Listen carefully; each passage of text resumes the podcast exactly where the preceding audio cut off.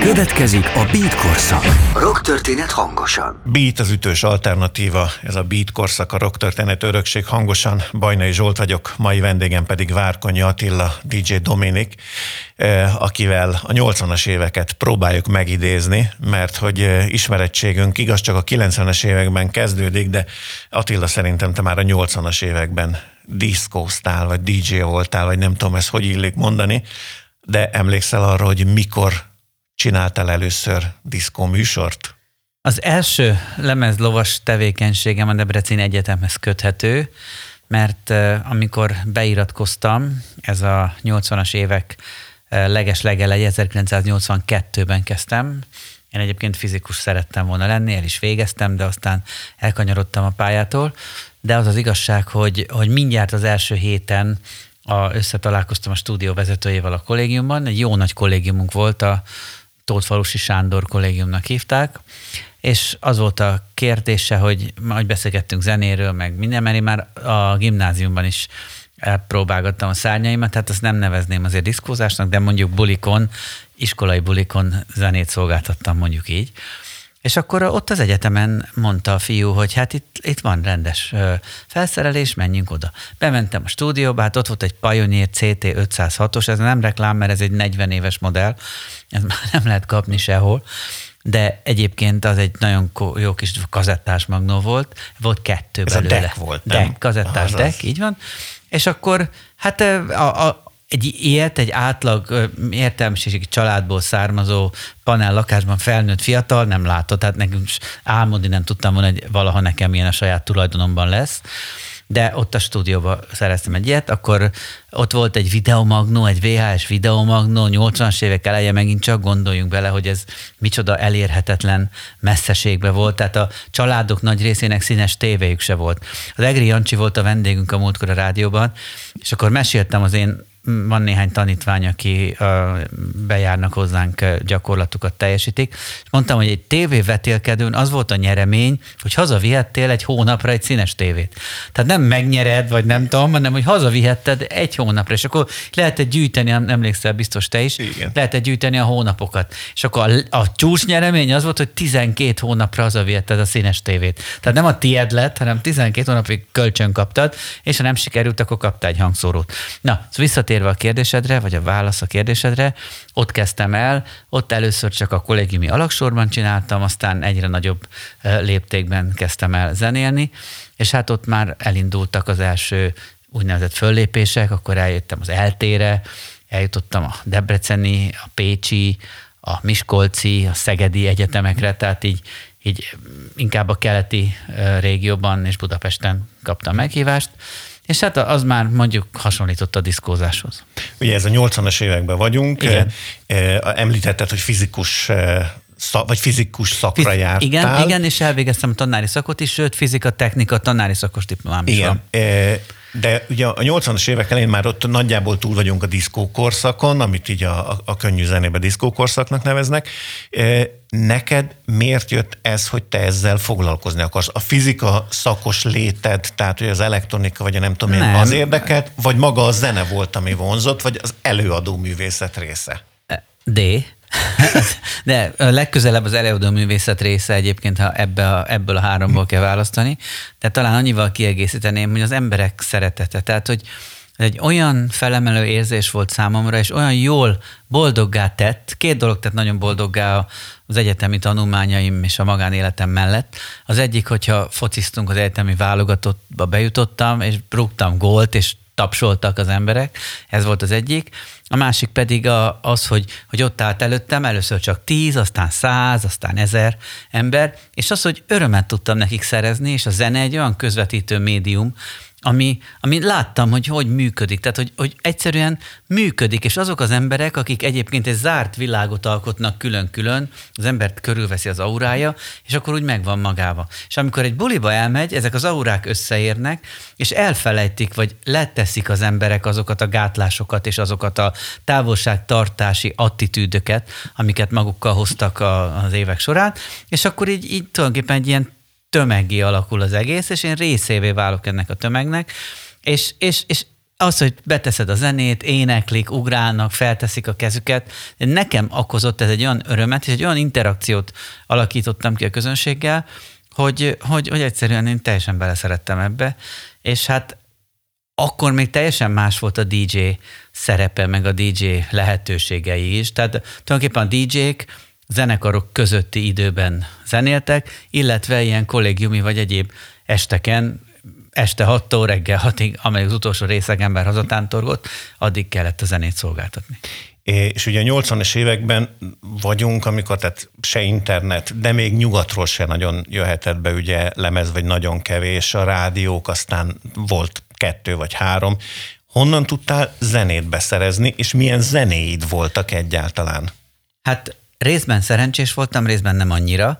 Szerencsés annyiból voltam, hogy egyrészt szegedi vagyok eredetileg, édesapám, édesanyám Szegedi Egyetemen tanítottak, és ott a Szeged mellett volt Jugoszlávia, vagy hát Magyarország déli határán, akkor még Jugoszláviának hívták, és onnan volt módunk a jugoszláv rádiókból felvenni. Tehát ha volt egy olyan, már megint a fiatal hallgatók most nagyokat fognak nézni, mikor azt mondom, hogy OIRT és CCIR, ez két normarendszer volt. A, az OIRT volt a nyugati normás URH adás, a CCIR a kereti normás URH adás, és az volt a különbség, hogy egy rádióban nem tudtad egyszerre a Kosutot hallgatni, a Petőfit, vagy és a másikat. Tehát ha, vagy ilyen rádiód volt, vagy olyan általában olyan, tehát általában keleti normás, illetve itthon csak olyat lehetett kapni.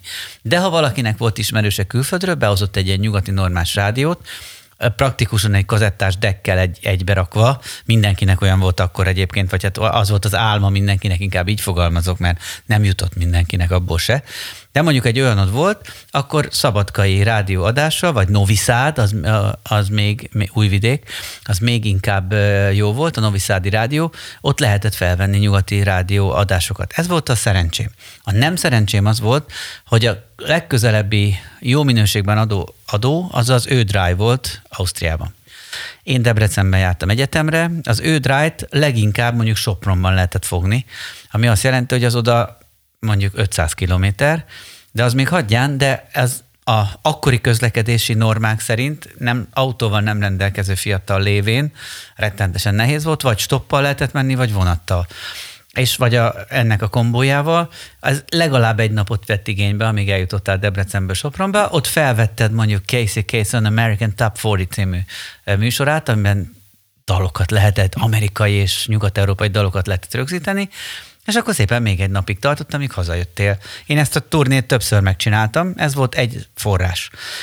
Pétót Laci, aki közben már kollégám lett itt a Retro Rádióban azóta, ő volt a másik forrás, ugye volt a Magnósok figyelem című műsor, meg eh, Poptarisznya, meg Poptaritok, meg sorolhatnám ezeket a műsorokat, a Ságer lista, Dumanista, abból lehetett fölvenni, és szerintem nekem, ahogy a magyar lakosság 99%-ának, a zenék felében Bétót László hangja így vagy úgy szerepet kapott, mert pont nem fejezte be a mondandóját, mire elindult a zene.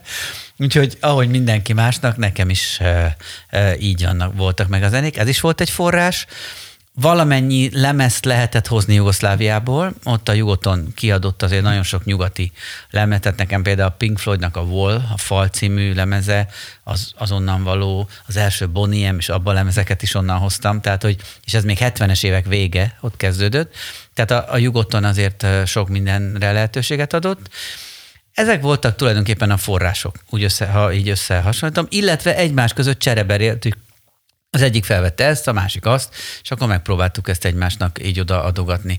Aztán ugye ez a bizonyos videomagnó, amit említettem, hogy volt a stúdióban, ezzel a videomagnóval voltak az egyetemen olyan diákok, akik külföldről jöttek, és itt tanultak Magyarországon.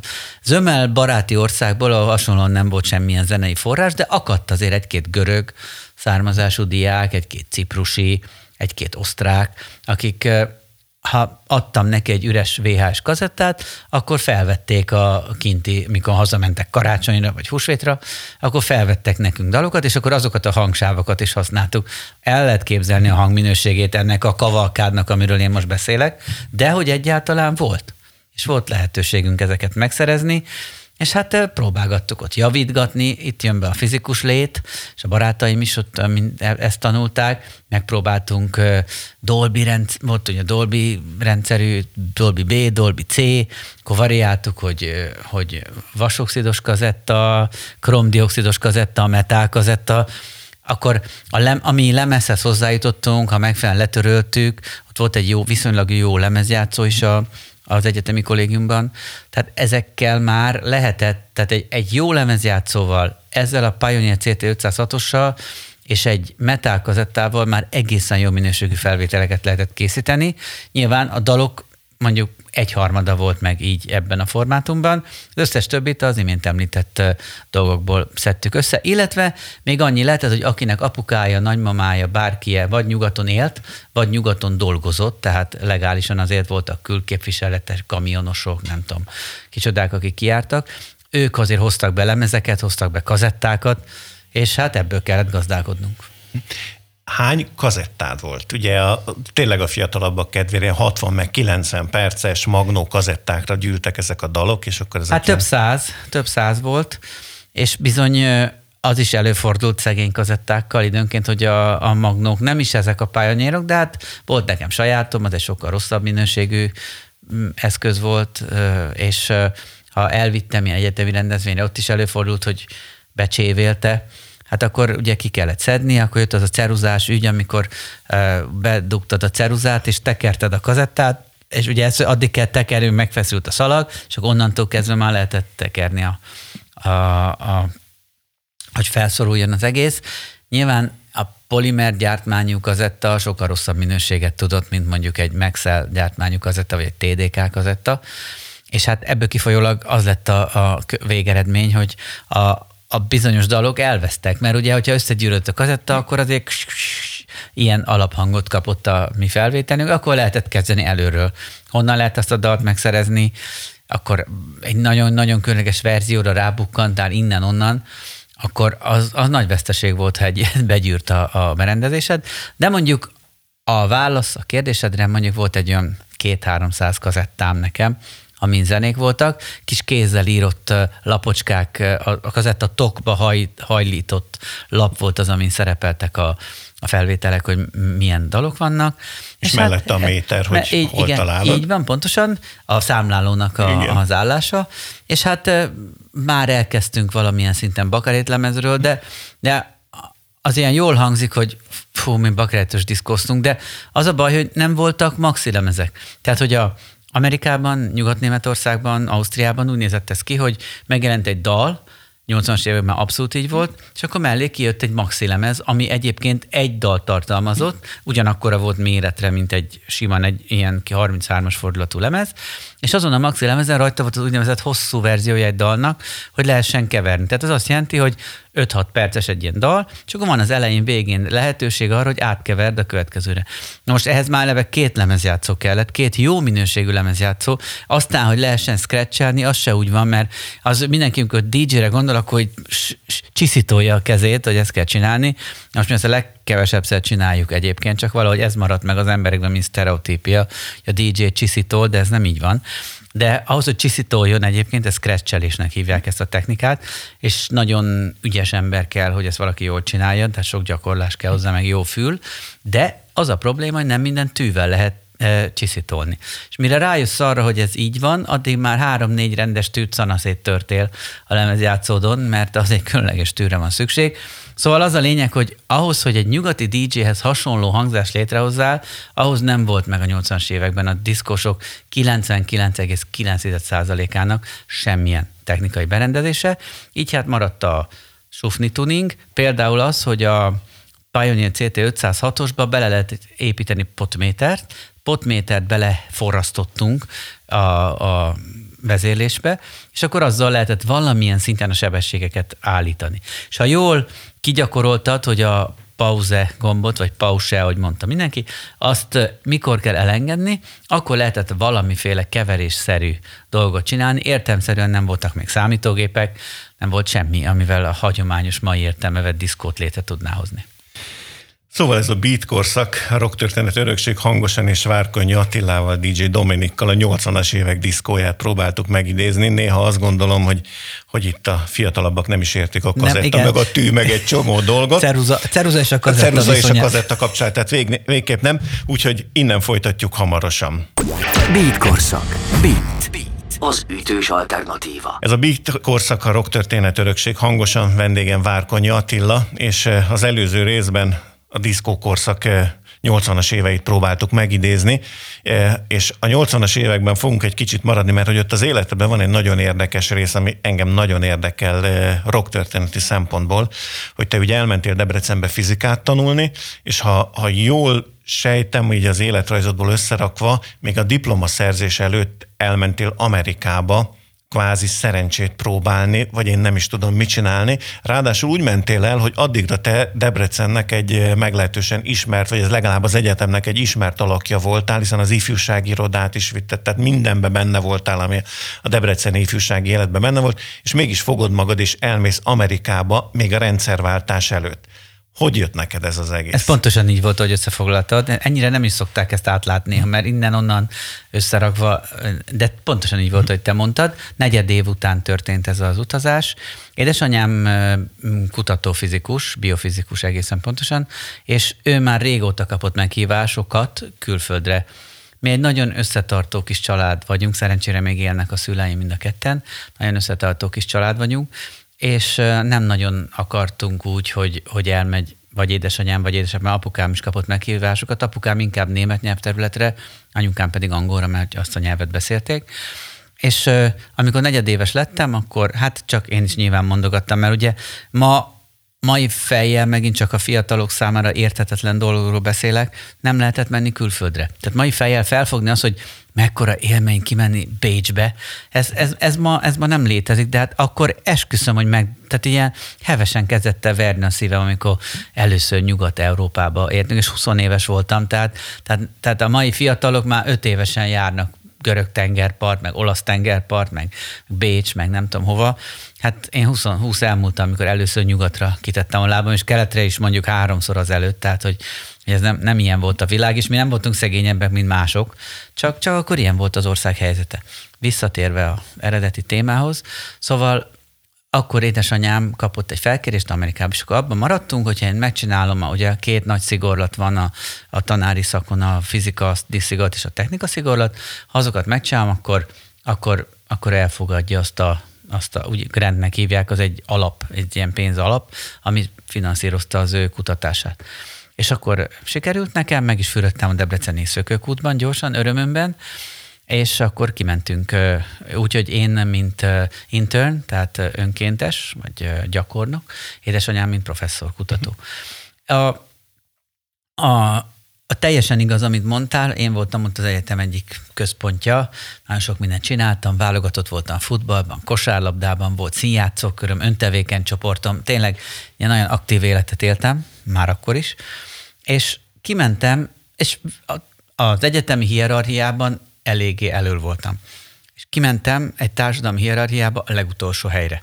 Tehát, hogy a, amellett, hogy ott az egyetemen dolgoztam, ingyen, elkezdtem munkát vállalni. Tehát én járkáltam, hogy hadd takarítsam ki a házát, hadd műveljem a kertjét, hadd vágjam le a füvet, hadd sétáltassam meg a kutyáját, hadd vágjam fel a tűzifáját, söpörjem el a havat, mindent csináltam, és aztán egyre több és több ilyen munkát elvállaltam, egyre csökkent az egyetemi bentlétemnek a száma, és végül gyakorlatilag az a három év, nyolc hónap, amit így eltöltöttem, az szinte végig kétkezi munkásként töltöttem.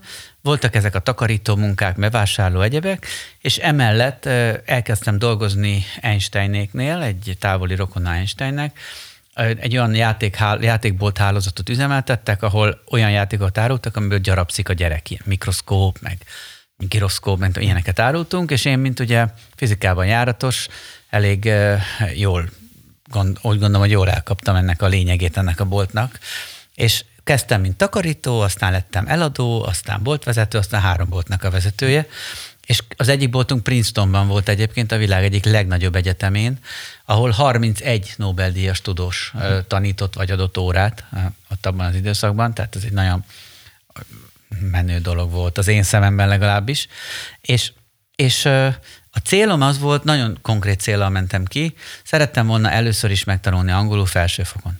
Szerettem volna annyi pénzt keresni, hogy vegyek egy lakást, meg egy autót. Ez ma megint olyan, tehát mondjuk autót venni tényleg mindenki tud, de lakáshoz is viszonylag könnyű hozzájutni, de akkor ebből az értelmiségi családból, hogy nekem saját tulajdonú lakásom legyen, a szüleimnek se volt, tehát mit tanácsi, akkor úgy hívták az önkormányzati lakás, hogy tanácsi lakás, mi abban laktunk, esély nem volt, hogy a hogy én magamnak majd veszek egy lakást. Én ott akartam lakni a nagy erdőn, ott szerettem volna tanítani az egyetemen, ott szerettem volna fotballozni, kosárlabdázni, majd később edzőnek lenni az egyetemi csapatban. Tehát én ott akartam sétálni, ahol Adi Endre sétált a nagy erdőn.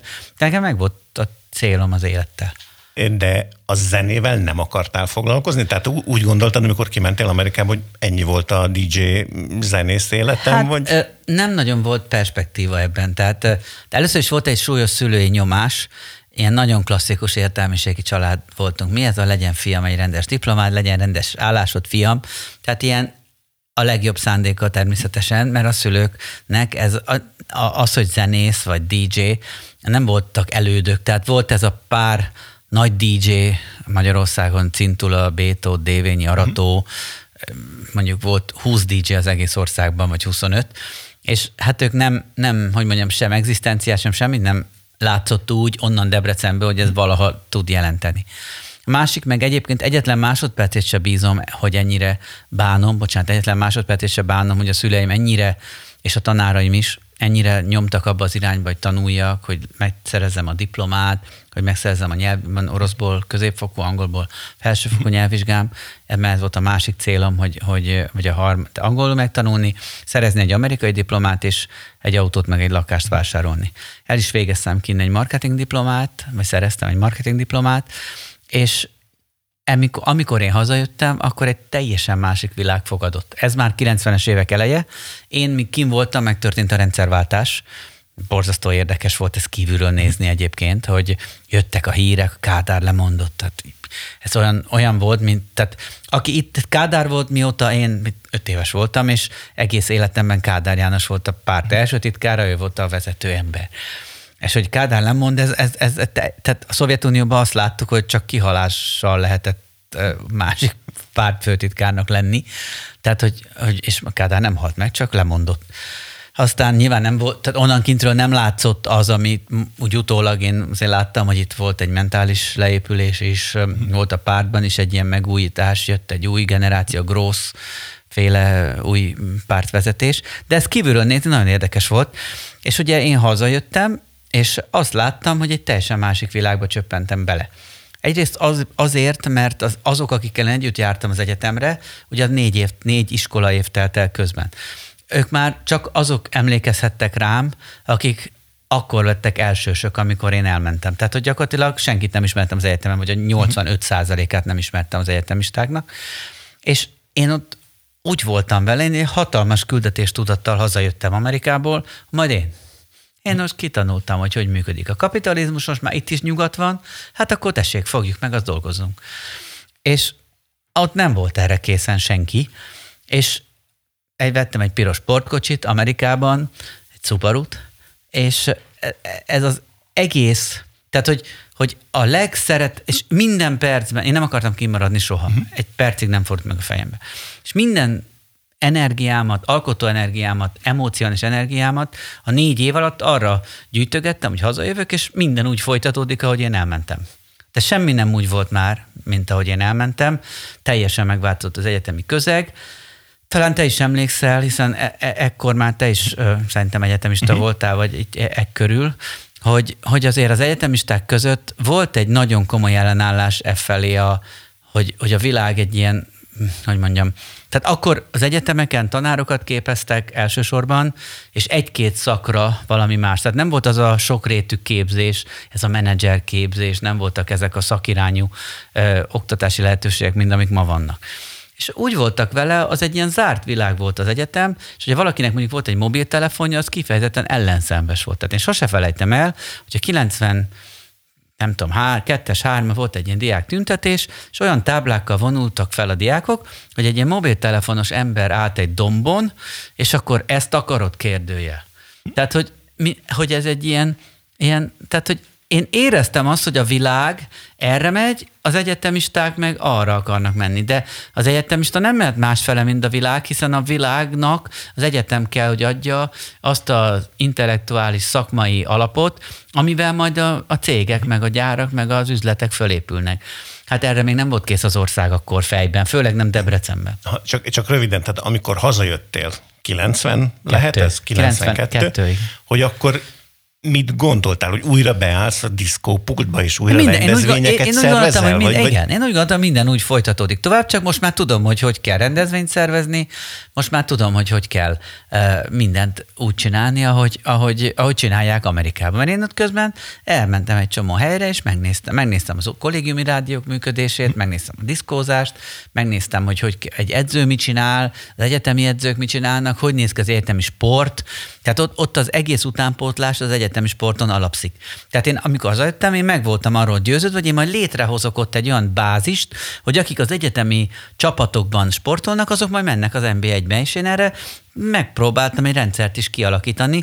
Sikerült is valamilyen szinten, mert még ott nyertünk országos bajnokságot, mikor hazajöttem, de nem volt olyan a fogadtatás. Tehát ilyen furán néztek rám, jött a csávó Amerikából, ki ez, akkor elterjedt a pletyka, hogy az anyuk, minden, amit nekem volt, minden én, én dolgoztam meg, de nagyon keményen. Tehát, hogy ott se barátnő, se futball, se kikapcsolódás, tehát én csak dolgoztam. Tehát amíg én Amerikában voltam, én tényleg erre készültem, és nélkülöztem is sokat. Édesanyám hazajött, én meg ott kimaradtam, és, és folytattam tovább. És én, én azt gondoltam, hogy itt minden úgy folytatódik, hogy van, de nem úgy folytatódott, hogy az picit ilyen csalódás, nem, nagyon csalódás volt az nekem, hogy én azt hittem, hogy itt majd engem úgy fogadnak, hogy na hát ez az ember kitanulta, és akkor hazahozza a tudását, de hát ott nem kellett az én tudásom egyelőre, még akkor. Aztán persze nyilván a világ csak arra kanyarodott, amiket én mondtam, tehát nagyjából amit én elkezdtem, az mind megvalósult, vagy mind arra felé kanyarodott, amerre én ezt gondoltam, hogy kanyarodni fog. Csak akkor a rendszerváltás utáni egy-két esztendőben Debreceni Egyetemen ez még nem volt úgy. Na és akkor innen folytatjuk mindjárt, mert hogy ezért ez mégiscsak a beat korszak és a rock történetről próbálunk beszélgetni, még ha a fociról is volt szó, ami mindennel összefügg. Vendégem Várkonyi Attila, DJ Dominik, és itt folytatjuk hamarosan. Beat korszak. Rock történet hangosan. Ez a beat korszak, a rock történeti örökség hangosan és Várkonyi Attilával megpróbáltuk megidézni a 80-as évek vidéki diszkókorszakát, az egyetemi diszkókat, aztán egy érdekes amerikai kiktérést, és ott folytatnám, hogy ugye a 90-es évek elején visszajössz Magyarországra, Debrecenbe, és akkor ott megint csináltok valami olyat, amit ha már a rock történetet próbáljuk fölvázolni, szerintem megkerülhetetlen. Ez pedig ugye a City Rádió volt Debrecenbe. Elkezdetek egy rádiót csinálni egy olyan országba, ahol volt a Kossuth, a Petőfia és a Bartók. A har- valamint a harmadik műsor. Valamint a harmadik műsor, Ta, talán a kalipszó akkor mintha már esetleg lett volna, meg talán a Danubius németül, de nem voltak rádiók. És akkor ti belekezdtek Debrecenbe egy rádióba.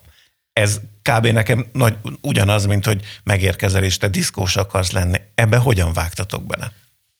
Én Amerikában nagyon sok rádiót hallgattam, és nagyon sok rock rádiót hallgattam. Egyébként én nem szeretem a rock zenét. Tulajdonképpen, ha őszinte akarok lenni, a legbelül a rock zene az enyém csak, és a diszkóban is, nem is szeretem diszkónak hívni, Fergetek Partikon én nagyon sok rockzenét játszom. Tehát, hogy én nem gondolom azt, hogy ilyen falak lennének a rockzene, a beat zene, a popzene között, legalábbis olyan nagy falak, amiket sokan elképzelnek, hanem én úgy gondolom, hogy, hogy van ebben is jó, meg abban is jó.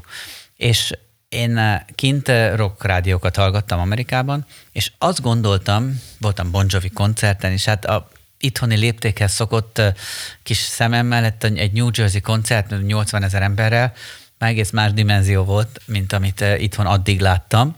Aztán már utána itthon is volt ilyen, de az előtt nem. És én azt hittem, hogy, hogy ezt én e megint csak egy ilyen álom, hogy majd én csinálok itthon rock rádiót. Majd én megcsinálom a rádiót, és akkor itt, mert ugye akkor, ahogy említetted te is, a kalipszó is ilyen lassú volt, meg a kosút is, meg a petőfi is, ilyen az ötödik sípszó elhangzása a delet jelöli. A nagy szünet, dél van, harangszó következik.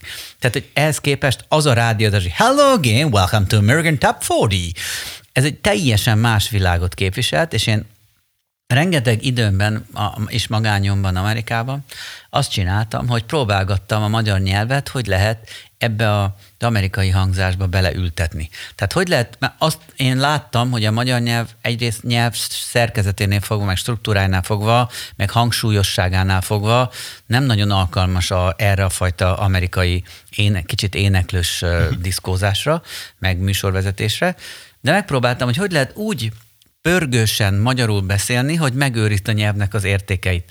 Tehát nekem nagyon jó magyar tanáraim voltak, otthon is állandóan gyepáltak a szüleim, hogy, hogy a nyelv nagyon fontos, szépen, szabatosan beszélni, és én ezen dolgoztam ott évekig, próbálgattam, rengeteget utaztam, ugye, mert nagy távolságok vannak, és az autóban állandóan próbáltam magyarul konferálgatni ezeket a zenéket, és a kazettán ugye rajta volt egy dal, akkor volt ugye egy 5-6 másodperc szünet, és indult a, a következő zene, hogy na, arra próbáltam mondani valamit magyarul, hogy hogy hangzik.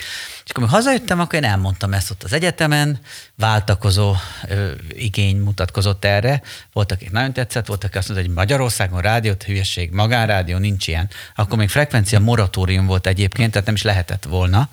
Hát mi elkezdtük, adtunk kalózrádióként, adtunk ilyen, akkor húzgálták be ezeket a kábeleket az első kábel tévéknek az embereknek, annak volt audio csatornája is, és akkor ott adtunk először, volt, hogy illegálisan adtunk, hát ilyen kalózrádióként, akkor jött a frekvencia gazdáltási hivatal, akkor lefoglalta a rádióadónkat, sok minden történt, tényleg a hőskor megvolt, és akkor találtunk egy jogi kiskaput, hogy lehetett egy hétre eseményre pályázni. És akkor alapítottunk négy céget, a négy cég pályázott arra egy-egy hétre, csak így folyamatos rádióadásunk volt tulajdonképpen. És hát ez tényleg egy csoda volt. Tehát az, hogy akkor nekem rádióadom volt, tulajdonos voltam hár, harmad magammal a, ennek a City Rádiónak a tulajdonos, ez olyan volt, mintha már lenne egy rakéta kilövő állomáson itt a Marcibányi téren, és akkor egy van ilyen az országban, és akkor ennyire, tehát egy nagyon különös dolog volt ez.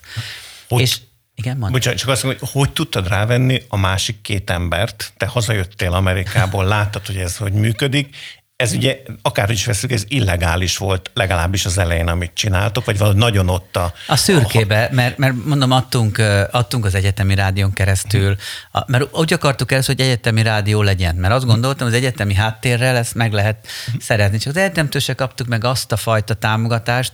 A Debrecen Egyetem akkor még nagyon le, lassú volt, tehát messze volt a, a, a hogy mondjam, attól, hogy egy része legyen a világnak, egy külön egység, és ott mindenki a, a lár lár, vagy a tudomány a tudományért inkább, nem a művészet a művészetért. Tehát, hogy, hogy ez, ez miért kell ide Attila? Nem?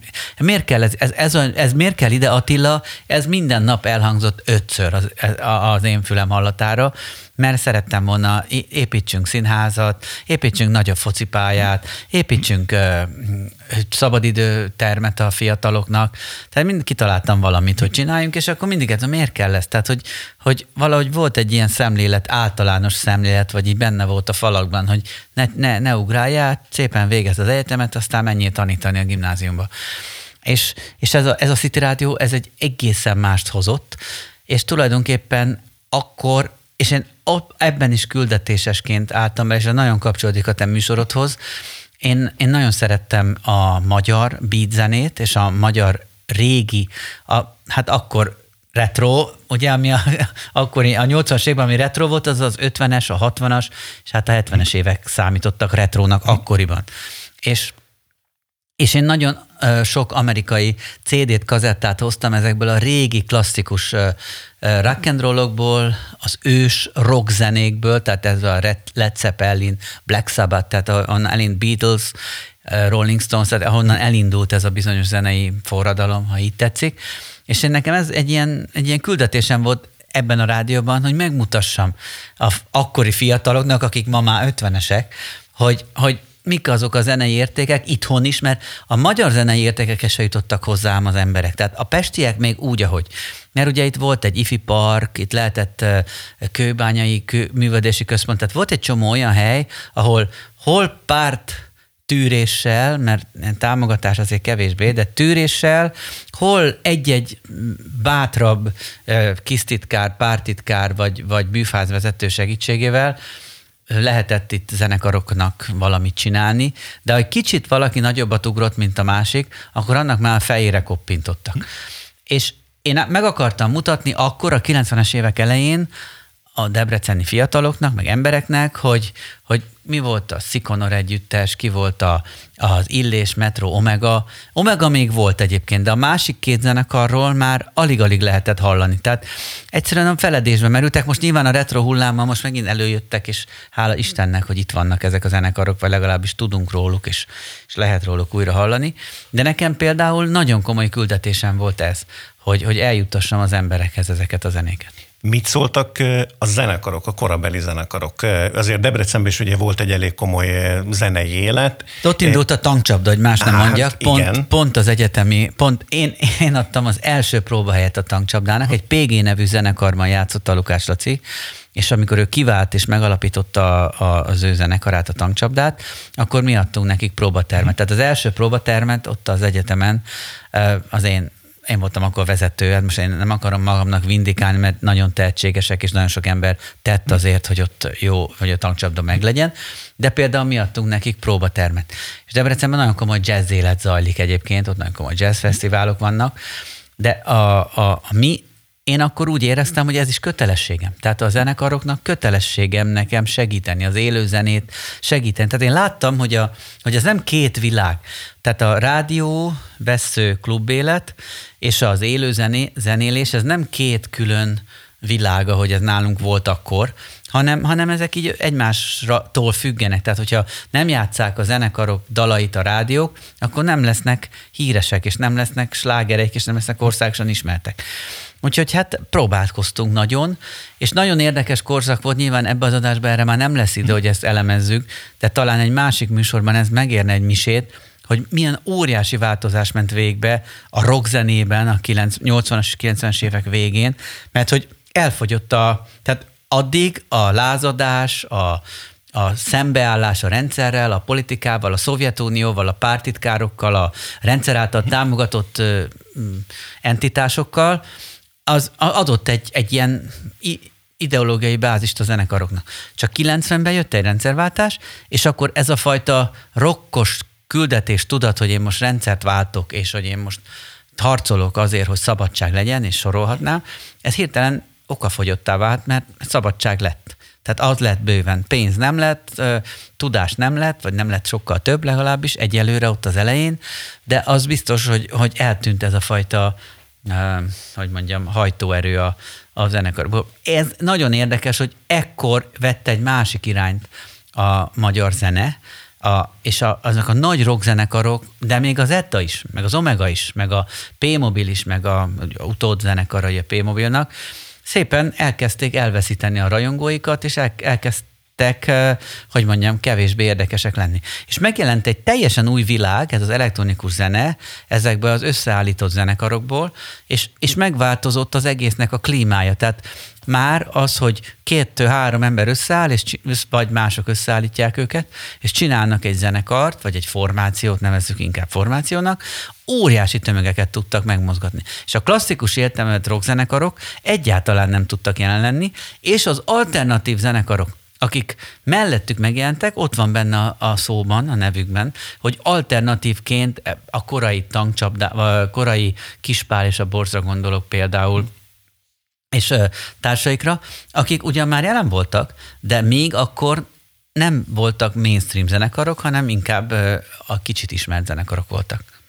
És akkor itt a te életedben is majd egy másik korszak következik, azt gondolom, amikor elhagyott Debrecent, és indul Budapest és a Juventus Rádió, de az már ugye a rock történetnek is egy másik időszaka, amiről tényleg remélem, hogy egyszer még beszélgetünk, hogy ezt végigvegyük. Én nagyon szépen köszönöm, hogy a, a Beat korszakban vendégem voltál, Várkonya Attila, DJ Dominik, és megidéztük ezt a, hát mondjuk másfél évtizedet a könnyű zene történetében benne a te történeteddel, ami azt gondolom, hogy együtt íródott. Úgyhogy nagyon szépen köszönöm, hogy itt voltál, és hát ha lesz még folytatása. Remélem, és nagyon-nagyon szeretem a beat korszakot, ezt szeretném elmondani, és mindenkinek ajánlom, hogy keressen meg minden létező forrást ezen rádióműsoron túl is akár, mert nagyon-nagyon sok, nagyon értékes zene született akkoriban, és nagyon kevés maradt fent az utókor számára, úgyhogy nagyon jó, hogy vannak ilyen műsorok és ilyen törekvések, hogy ezt őrizzük. Köszönöm szépen! Ez volt a Beat Korszak. Rock történet hangosan. Köszönjük, hogy velünk vagy. Beatcast. Ez a podcast a Beat saját gyártású sorozata. Beat. Az ütős alternatíva.